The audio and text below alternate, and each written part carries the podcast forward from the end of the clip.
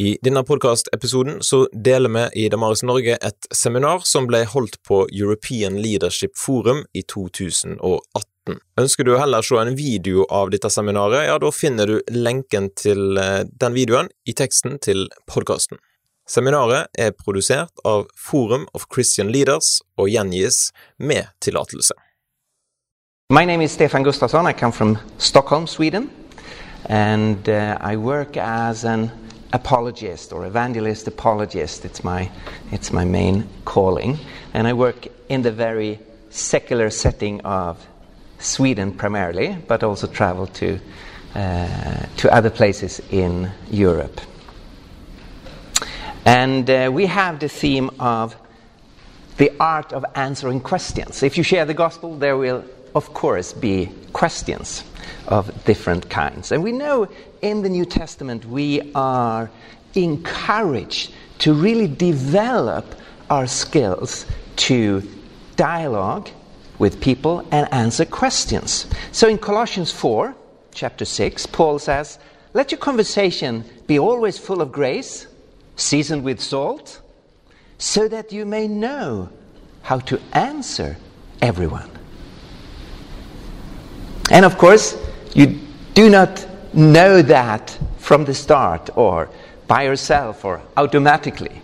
Of course, we need to be dependent upon the Holy Spirit, but we need also to train ourselves and grow and learn. How can we answer people's questions? There will be questions in many different contexts. In your own home, a friend or a relative, someone in the family who is not a Christian, asking a question, so a very personal setting. Or a, um, a neighbor or someone you work together with and you have a dialogue and there's suddenly a question. Or as evangelists, of course, there will be a number of settings which is very public. You are standing in front of a group of people, small or large, and there is a Q&A and there are questions. Uh, and we need to develop a skill to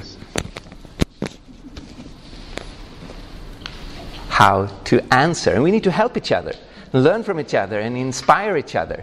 And of course, then we need to be not copy each other, be true to who we are, and do our own thing. but still, you can learn so much from other people. So, let's get started with a question.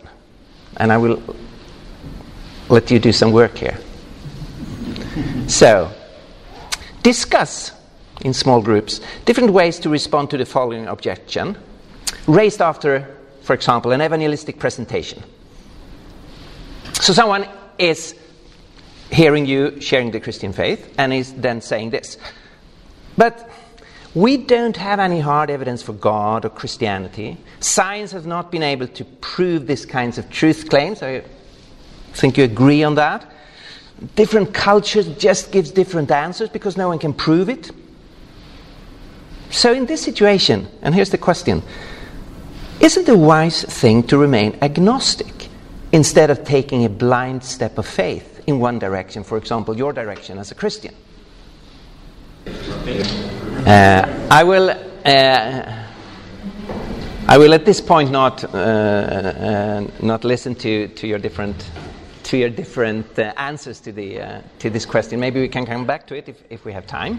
I just wanted to warm warm you up to the whole issue of, of asking questions. And this is a an answering question. And this is a, a um, common question. So, the art of answering questions. What can be said about that? I first want to point out that Jesus seemed to love dialogue and conversation and even debates. You study the Gospels and you find some really interesting thing. For example, if you search in the four Gospels for, for the word ask and asked, they will show up 303 times. It's dialogues all over on every page in the Gospels.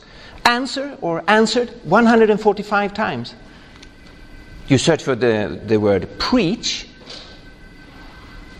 you will find just a few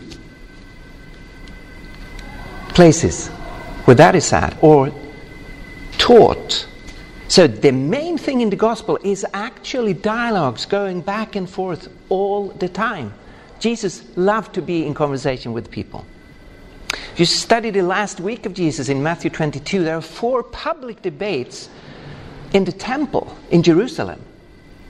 Some of them kind of aggressive against Jesus. But he enters the debates and he wins them all. We are called to use Francis Schaeffer's phrase to give honest answer on honest answers to honest questions. If someone really have a question and they honestly wonders about this, we should try to give an honest and a well thought out answer to that question. What to do with dishonest questions? Of course, a lot of questions are dishonest. Well, there we have a choice. We can see that Jesus, when he was received a dishonest question, sometimes he is answering them, but sometimes he refuses to go into the, to the debate. In Matthew 21, verse 23 to 27, um, the elders are approaching Jesus with the question With what authority did you cleanse the temple? That's the issue. And Jesus knew they were not really interested in the answer. So he asks a questions to test them. Are you really interested of the truth? Or is this a power play between you and me? So he asks the question, and he says, I will also ask you one question. If you answer that, I will answer your question. With what uh, John's baptism, where did it come from? So, what do you think about John the Baptist? And the test comes out very clearly. the issue is, of course, was John sent from heaven or did he speak just from himself? Was it of human origin? And the elders discussed by themselves and then say, if we say from heaven, he will ask, then why didn't you believe him? But if we say of human origin, we are afraid of the people, for they all hold that John was a prophet. So they answer Jesus, we don't know. You know, they show they are not really interested in truth. They are not pressing on for truth. And then in this case, Jesus says, sorry. Then I will not answer your question. So here we have a choice. Honest questions, always an honest answer. If it's obvious in a dishonest question, sometimes the wise thing is to try to show for people, challenge them is this a real question? Or what's going on here? Thinking about answering questions, I think we should not only think about specific questions, how to deal with that, but also think about strategies behind our answers. And I will give you a number of concrete answers to common questions, but try to show you the, the, um, the strategy behind how I would usually try to answer the question. So here is not the most popular question for us as evangelists, but you at least in a student context today, you cannot share the gospel without this coming back as an issue. What do you think about homosexuality?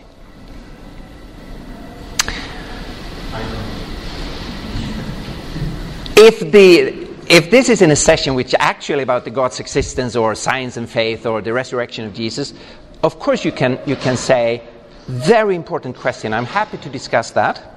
But actually, this is a session on the resurrection of Jesus. So uh, you can talk to me afterwards because if we go into that, all time will go for that issue. So there are some contexts where you have the freedom not to answer it, but there are other contexts where we have to answer the question what to do.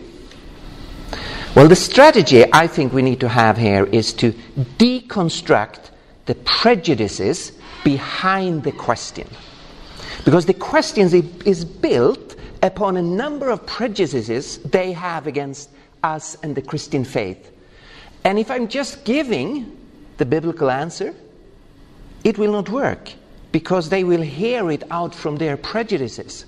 So I think of this like there's a number of balloons, and I need to pick hole in all the balloons first before I can give the answer. The balloons represent the prejudices people have. And I need to be aware of those balloons and find ways of picking hole in it so the, the air comes out and it becomes a non issue.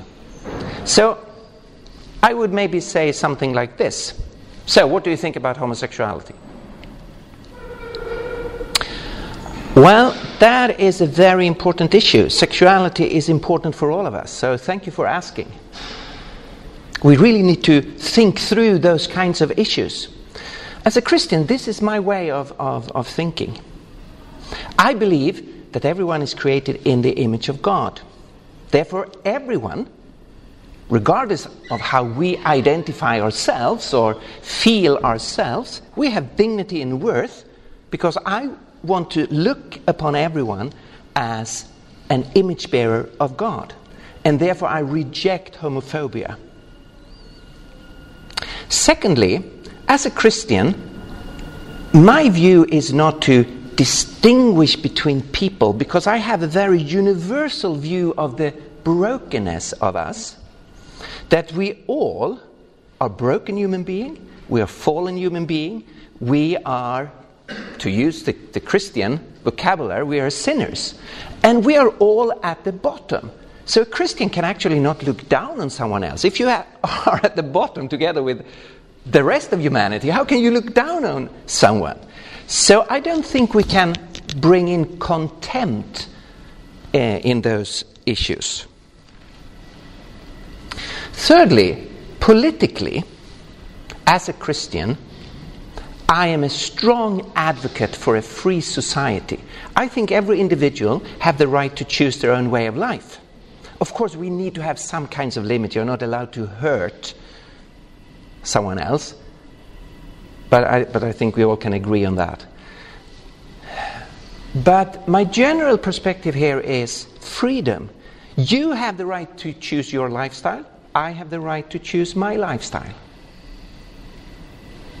And I will not interfere with your choices. You have genuine freedom, I think we should have, and I have genuine freedom. And we have to think through what kind of way we want to live sexually, all of us. Now, since I'm a Christian and I believe there is a creator who has created this world, of course, for me, the main issue here is what is the will of God? What is the thinking of God in terms of our bodies, our sexualities, our relationships? So that is the focus for me. Historical Christians have had a common perspective on these issues. Christians have been thinking the same. But as many of you know, today you can hear Christian, different Christian voices on this issue. And there are two reasons why Christians are divided on this issue. The first reason is that Christian makes have different views of how to make the priority between what your body tells you and what your inner being tells you. So the traditional view is that if you look at the body, a male body belongs to a female body. If you look to a female body, it tells you it belongs to a male body. So when then the inner being is saying something that contradicts your body, the traditional opinion is you should go with what your body tells you. The new perspective is the opposite that you ignore the signals of your body and you follow your own inner experience. And the second reason why Christians are divided is that there are different interpretations of the Bible. What is the, uh, the right interpretation of the Bible? Does the Bible exclude same sex relationships generally, all kinds? Or is it just excluding specific cases, but not loving committed relationships. Uh, my view here is the traditional view that we should take our bodies really seriously. And I think it's really clear that a sound interpretation of the biblical texts points towards God's will is for a male and female relationship when we think about sexuality.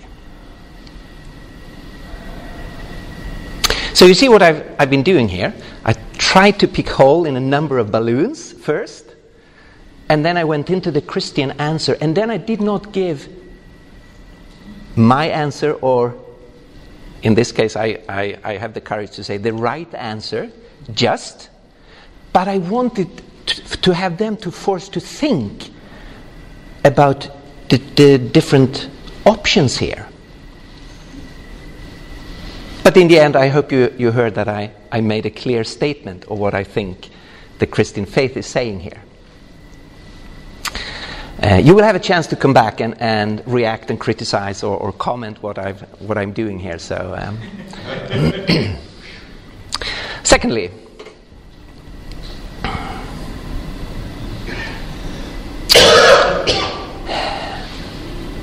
what do you think about evolution? That question will come up very regularly, and we need to deal with that. So, what do you think about evolution? Well, the strategies for me here, and I, I guess for some of you this will, uh, maybe fir- my first answer was controversial, I don't know. Uh, I'm sure what I will be saying now will for some of you be controversial, but bear with me and, and you will have a chance to react. My main strategy here is to work with the definition of terms, to define the terms. What do we actually mean by the word ev- evolution? And there are a number of things you could say here, but I would basically go for this. So you ask me, what do I think about evolution? But then I need to ask you, what do you mean by evolution? Because that is not actually completely clear. Are we talking about evolution as a biological mechanism that we can see going on now? Are we talking about evolution extrapolating from that processes of changes we see now, extrapolating that backwards in time as one of the key mechanisms for biological diversity? But still, just talking about what's going on uh, in biology, or are we talking philosophy here, naturalistic evolution, that the process that the theory of evolution is proposing, that that, that process is mindless, that there is no mind behind it, no thought behind it, no guidance behind it, no God behind it. Now, that's two very different issues. What, what are we talking about here? Let's assume that the current version of the uh, theory of evolution is, by and large, give us the right picture. Let's just assume that. Um, is that in itself a contradiction to God? No, of course not. If there is a God, He could create life on planet Earth the way He wants to do it. He could do it immediately in one second. He could do it during a few days if he wanted. He could do it through a slow process, through a nature he himself has created. So, an evolutionary process could be planned, designed, guided by a personal God.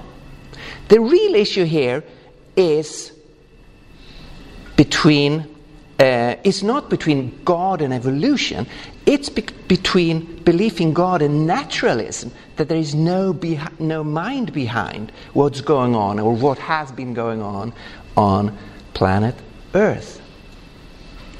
And as you know, a lot of Christians would describe themselves, not all, but a lot of Christians would describe themselves as theistic evolutionists. They affirm the basic picture current science gives us.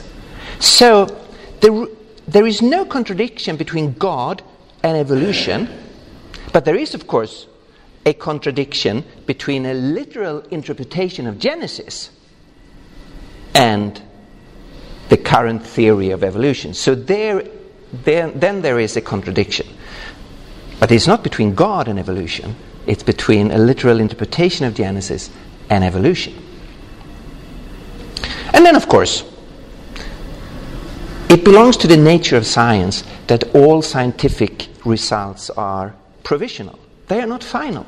So, of course, regardless uh, of what we think here about evolution, we need to be open to the question is the neo Darwinian theory the complete and final picture? All of us need to be open that there might be revisions, there might be changes. We, need, we might have to uh, change our view of this.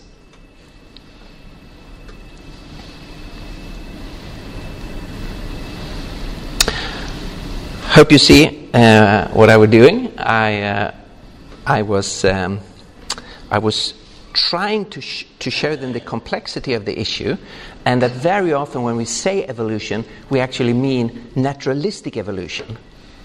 Uh, and we need to make that clear. And this is the same with many other issues that we need to define. We need to try to understand what have they defined as the what is their definition of the issue. And if it, if it is not a good, a right definition, we need to help people to see how to define those issues.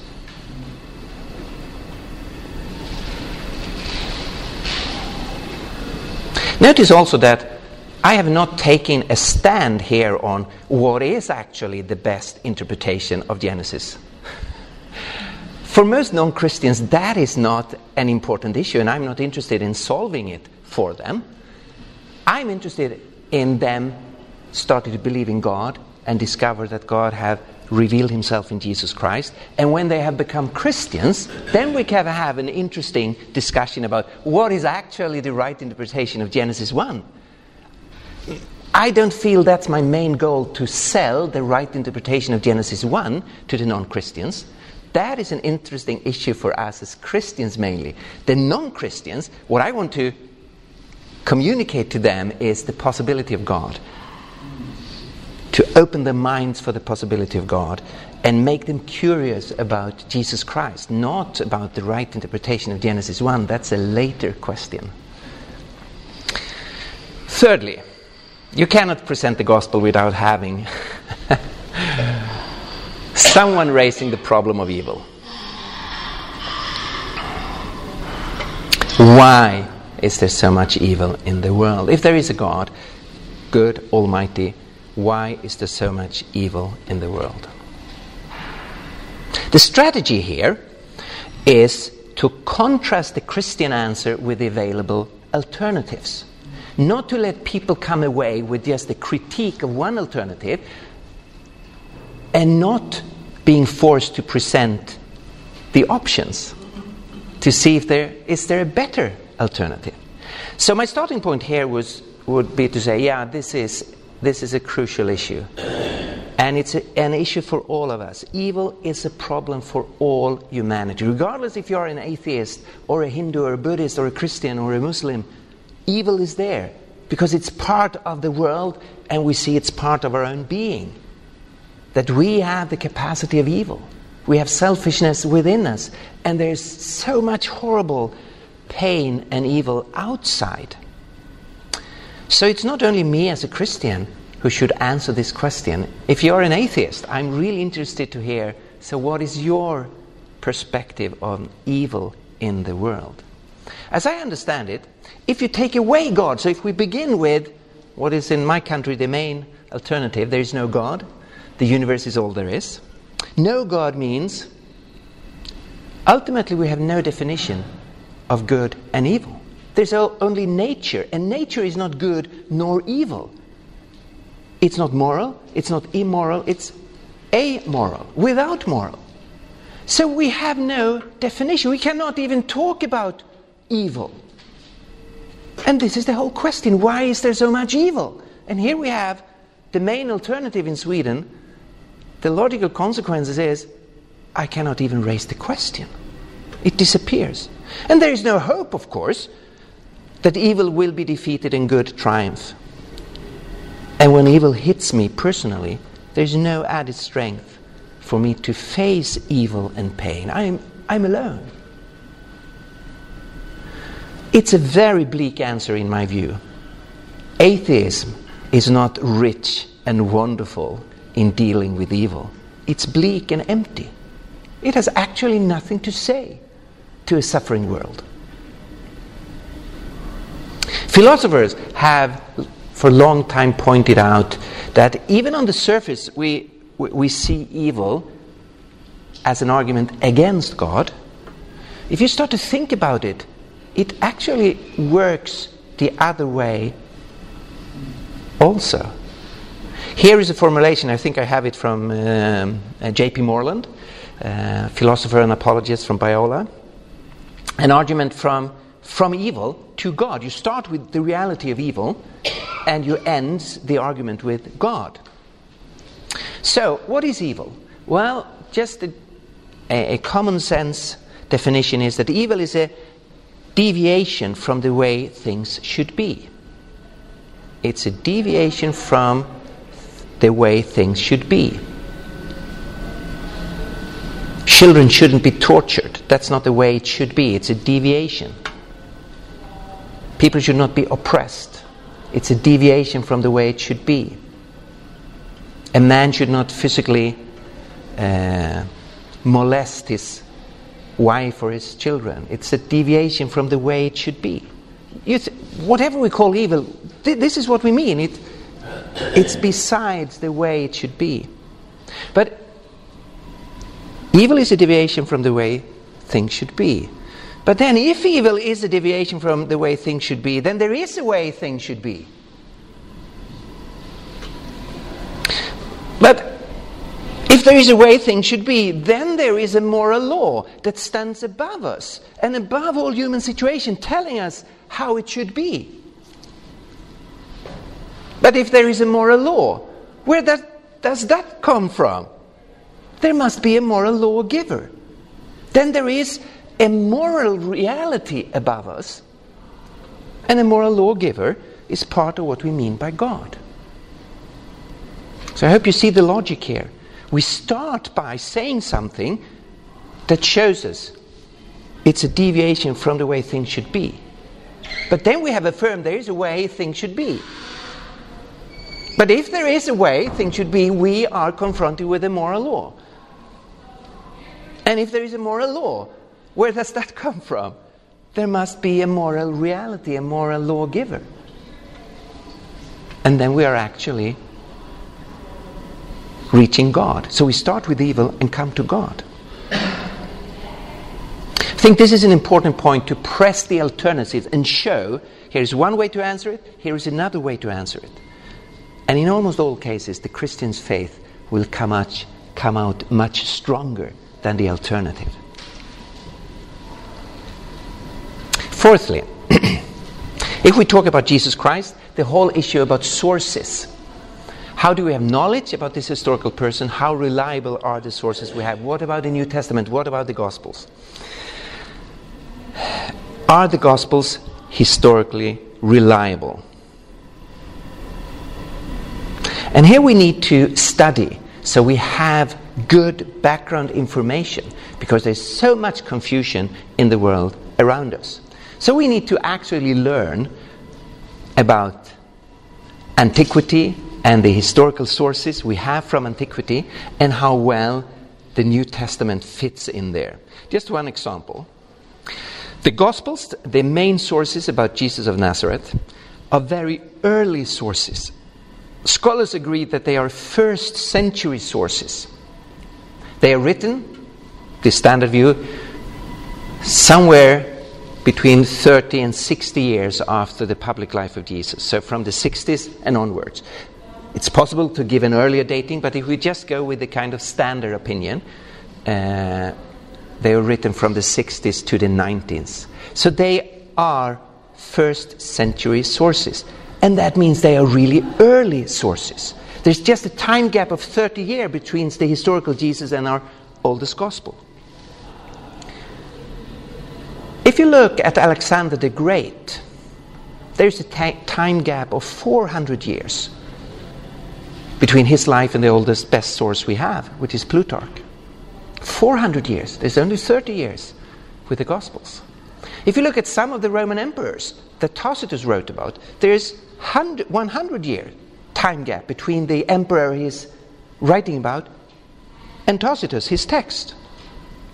Or if you look at the Gnostic Gospels, which the media likes to speak about, they were written between 150 and 300, the year 150 and 350. So they are removed by more than 100 years from the historical Jesus. Many of them are removed several centuries from the historical Jesus. Therefore, they have very little historical value. So the Gospels are early sources about Jesus. And we could take up many other examples of, um, uh, of the reliability of the Gospels.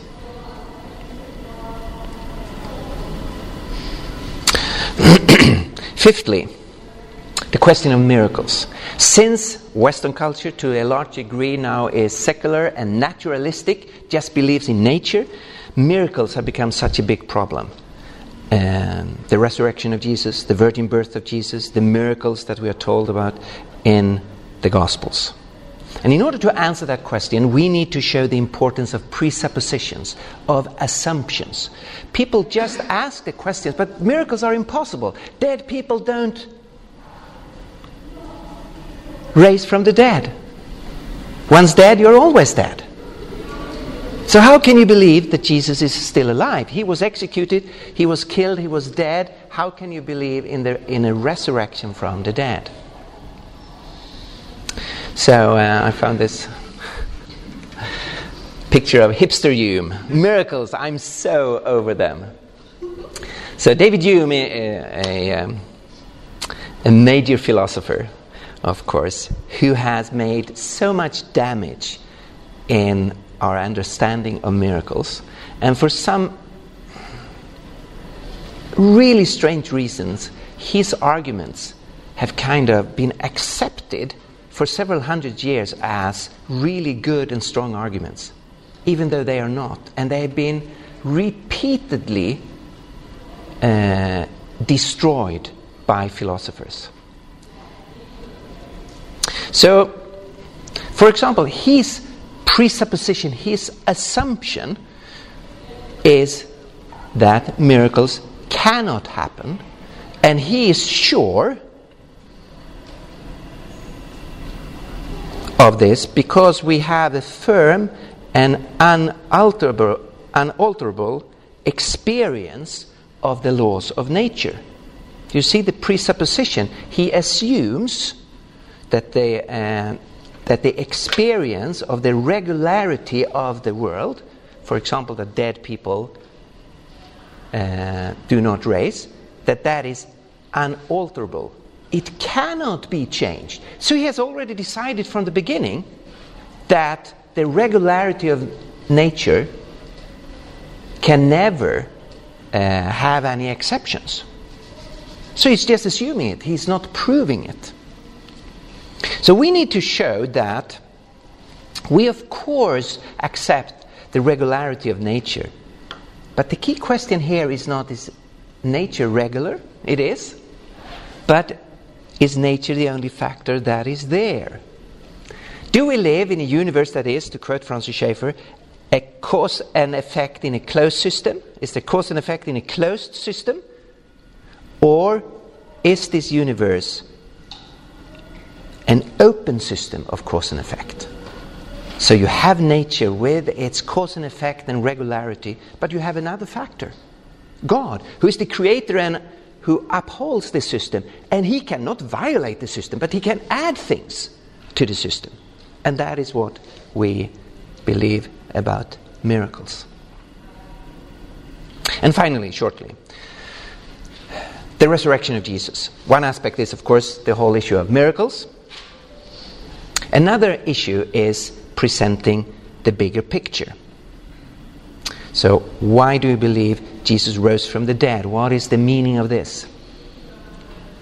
We have a natural tendency to go back in history to look at the event itself and start to argue for it was real. God raised Jesus physically, the tomb was empty, and that was what changed the disciples. And of course, we should do that.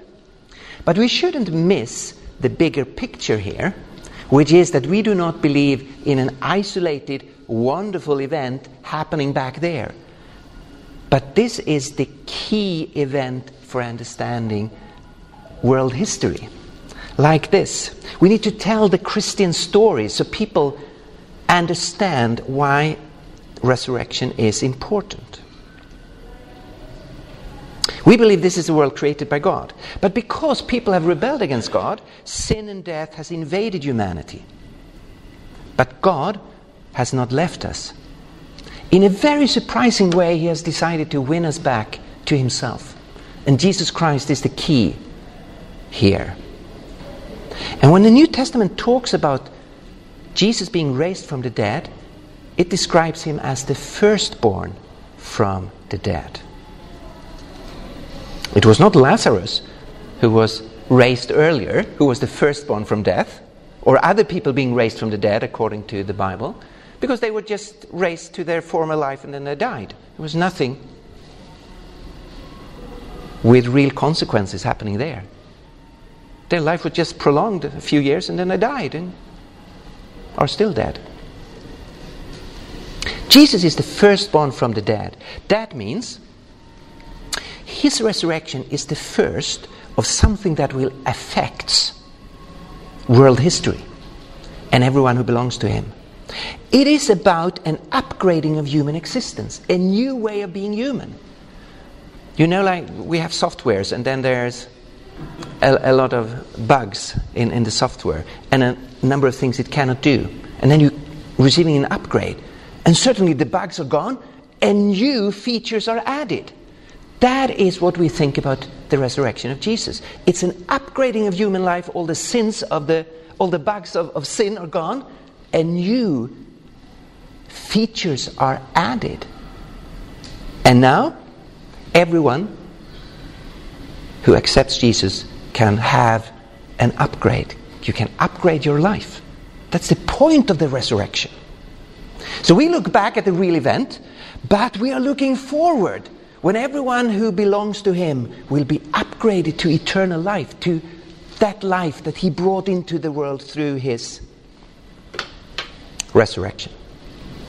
And therefore, I'm here to invite you to explore Jesus Christ and connect yourself to Him and get a hold of this new kind of life.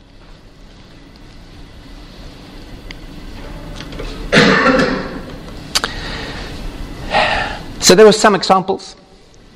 Conclusion we should all grow in our understanding of the faith and its implications so we freely can discuss those kinds of issues. We, we, we need to evaluate and develop our own answers. When we have answered a question, think afterwards was that really a good answer? Or next time, how should I answer? And we should combine passion and conviction with humility and respect for people.